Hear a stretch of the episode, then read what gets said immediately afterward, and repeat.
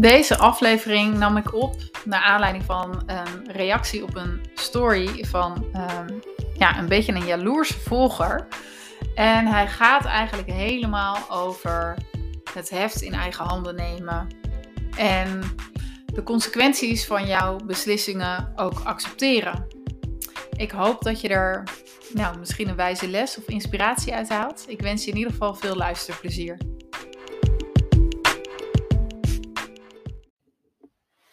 Ja, hallo, hallo. Nou, daar ben ik weer met een nieuwe aflevering. Ik ehm, neem deze aflevering eigenlijk een beetje spontaan op naar aanleiding van een berichtje wat ik uh, kreeg als reactie op een uh, story die ik post op Instagram.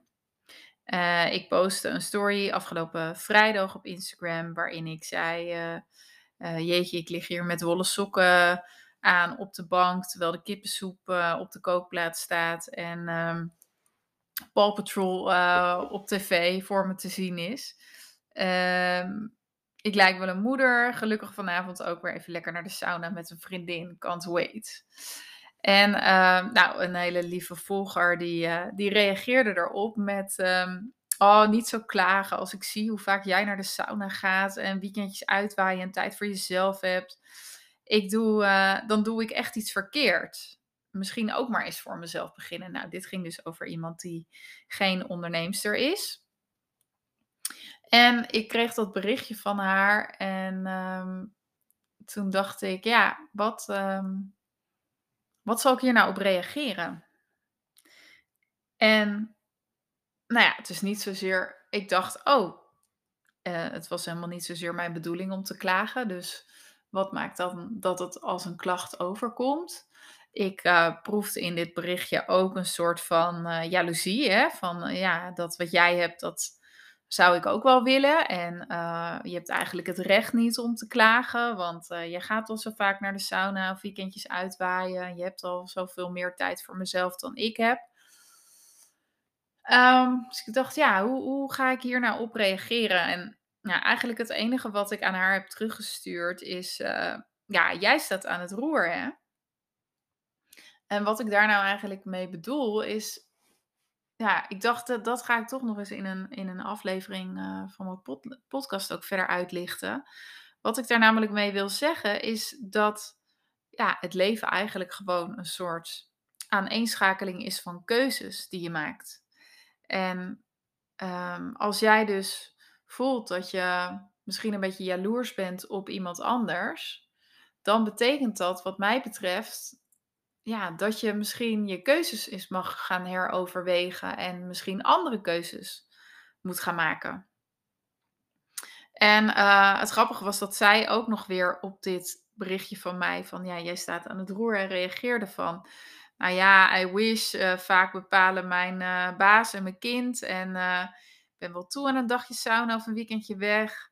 Ik denk dat dat meer dan twee jaar geleden is. En minder dan 50 uur per week werken is denk ik ook wel het streven. Oftewel, time for a change. Nou, daaruit uh, spreekt natuurlijk dat ze zelf ook wel inziet dat ze um, misschien wat te veranderen heeft. Maar ja, ik kom gewoon toch nog best wel vaak mensen tegen die eigenlijk een soort, ja, dat klinkt misschien een beetje onaardig, maar die, die een soort slachtoffer lijken te zijn van hun eigen leven. Die het gevoel hebben dat ze worden geleefd in plaats van dat ze zelf aan het roer staan. En dat is natuurlijk niet zo. Ik bedoel, jij bepaalt zelf uh, dat je voor een baas gaat werken. Je kan ook ondernemer worden. Jij bepaalt zelf dat je kinderen wilt. Uh, jij bepaalt zelf of je oppas regelt zodat je een dagje naar de sauna kunt of een weekendje weg. Um, dat zijn allemaal keuzes die je kunt maken. En ik denk dat voor elk argument wat je kunt opwerpen, dat er wel weer dat daar ook een keuze aan ten grondslag ligt. Het enige wat je je natuurlijk mag beseffen is dat iedere keuze ook zijn consequenties kent en zijn prijs kent. En dat geldt voor mij natuurlijk net zo goed. Um, ik heb ervoor gekozen om te ondernemen. En uh, nou, ik sta nog redelijk aan de start van mijn eigen bedrijf. Nou, dat heeft ook bepaalde consequenties. Namelijk dat ik misschien minder zekerheid ervaar in financiële inkomsten. Dat is een bewuste keuze van mij, want daartegenover staat dat ik vrijheid ervaar. En dat is een van mijn belangrijkste waarden. Ik vind het super belangrijk om me vrij te voelen en om flexibel te kunnen zijn, om, ja, om dus op ieder moment eigenlijk weer andere keuzes te maken. En nou, zo zou jij er natuurlijk ook voor kunnen kiezen als je deze podcast luistert en uh, je bent bijvoorbeeld nog in loondienst, om uh, je baan op te zeggen en om je droom achterna te gaan om ondernemer te worden. En ja, dan zul je misschien in eerste instantie wat minder inkomsten hebben. Um, en je zal misschien soms wel wat harder moeten werken dan je deed in loondienst.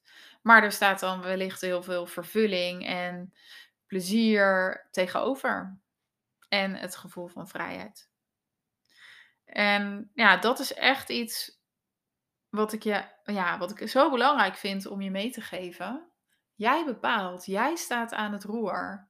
Het is jouw leven, jij maakt je keuzes. En het maakt eigenlijk helemaal niks uit wat anderen vinden dat je zou moeten doen.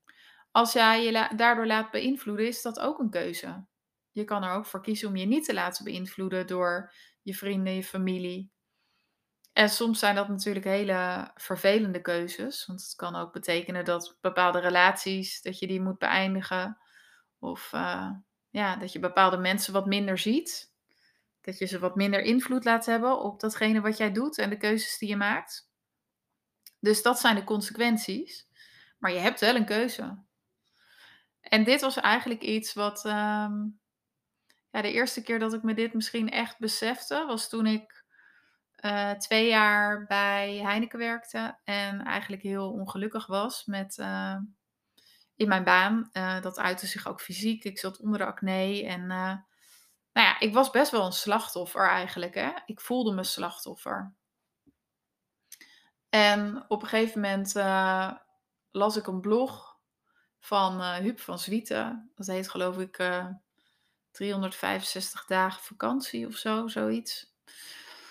En daarin stonden eigenlijk de risico's opgezomd van uh, niet stoppen met je werk wanneer je het eigenlijk echt niet naar je zin hebt. Dus in plaats van te benoemen welke risico's je zou lopen op het moment dat je zomaar je baan opzegt, benoemde hij de risico's van blijven zitten waar je zit, terwijl je eigenlijk niet op je plek zit.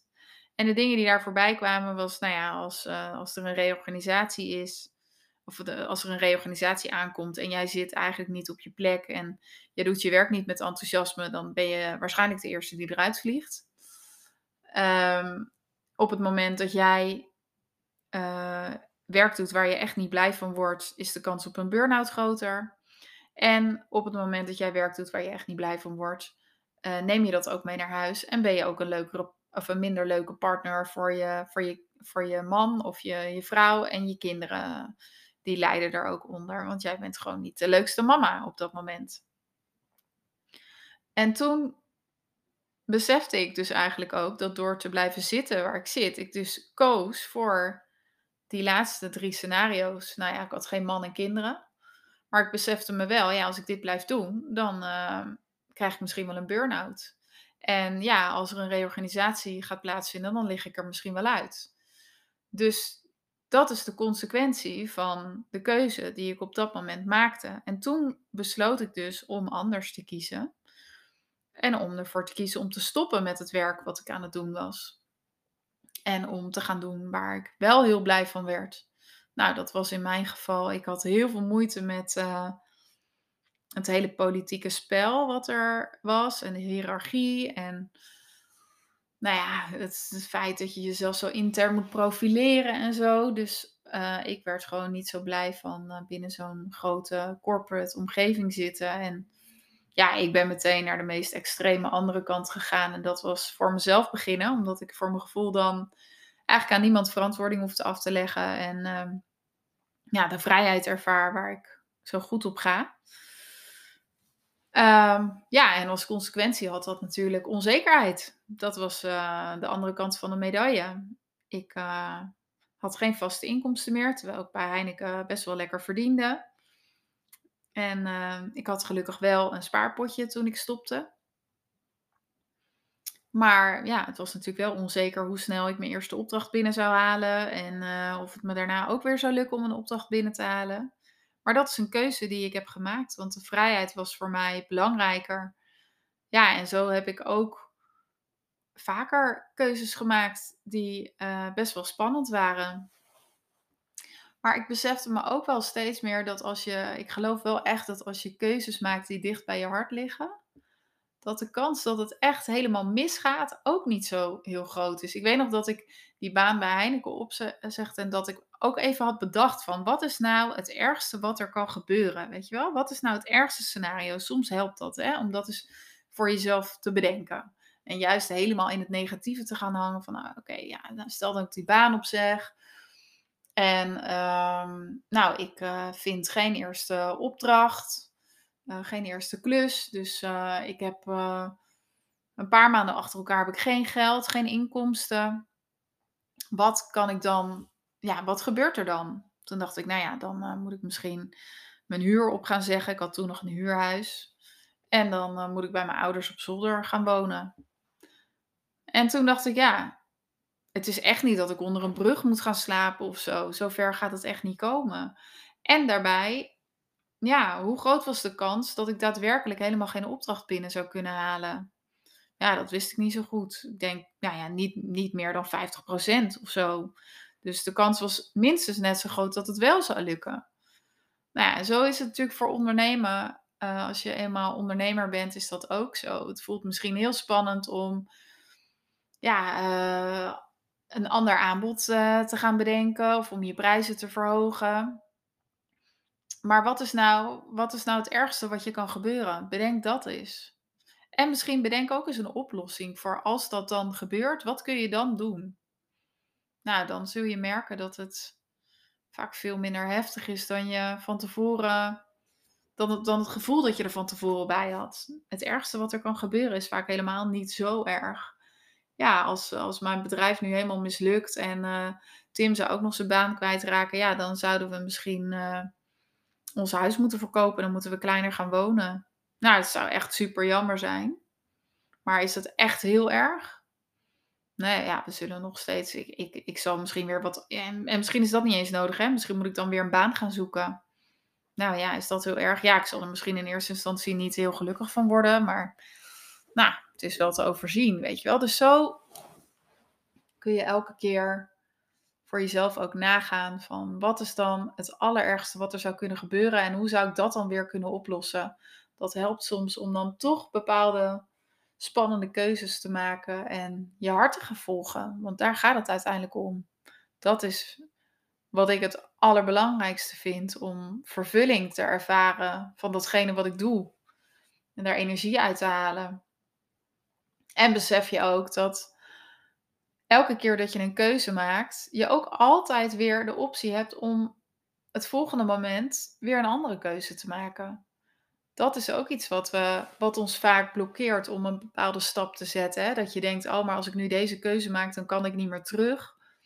Of dan, dan kan ik niet meer een andere keuze maken. Dat heeft vaak natuurlijk ook een beetje te maken met dat je bang bent voor gezichtsverlies of wat anderen van je vinden, weet je wel. Maar ja, ik probeer mezelf altijd de toestemming te geven om als ik een keuze heb gemaakt en ik kom erachter dat iets niet voor me werkt, om vervolgens weer een andere keuze te maken. Om, uh, ja, om de situatie weer aan te passen op mijn behoeften die blijkbaar zijn veranderd.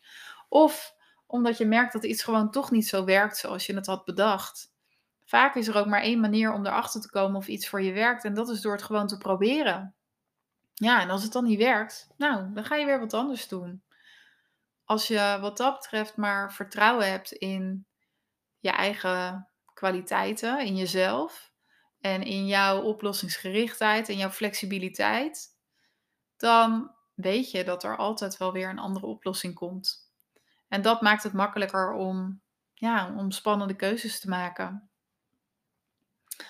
Dus ik hoop dat ik je hiermee een beetje inspireer. En uh, dat het je misschien net over het drempeltje trekt om toch die keuze te maken die je eigenlijk zo graag zou willen nemen. Ook al voelt die nu nog heel erg spannend. En om ook op het moment dat je jaloezie voelt of ja, als het ergens een beetje kriebelt bij je of je voelt een soort weerstand of nou ja, dat je, dat je gewoon eens bij jezelf te raden gaat van hé, hey, maar wat wil ik dan eigenlijk? Wat kan ik hier dan uithalen uit deze jaloezie? Zegt dit, zegt dit iets over wat ik dus eigenlijk zelf zou willen en welke keuzes kan ik dan nu maken om in ieder geval een stapje in de goede richting te gaan? Kan ik bijvoorbeeld met mijn partner gaan praten om te kijken of we het anders kunnen organiseren? Kan ik stoppen met bepaalde dingen die ik nu doe, uh, die eigenlijk datgene wat ik wil helemaal niet dienen? Um, moet ik uh, misschien iets wel gaan doen, wat ik op dit moment nog niet doe? Al zijn het maar kleine stapjes. Nou, laat me vooral weten wat je weer uit deze aflevering hebt gehaald. Dat vind ik altijd super leuk om te horen. En ehm, voor nu wens ik je in ieder geval uh, nog een hele fijne dag.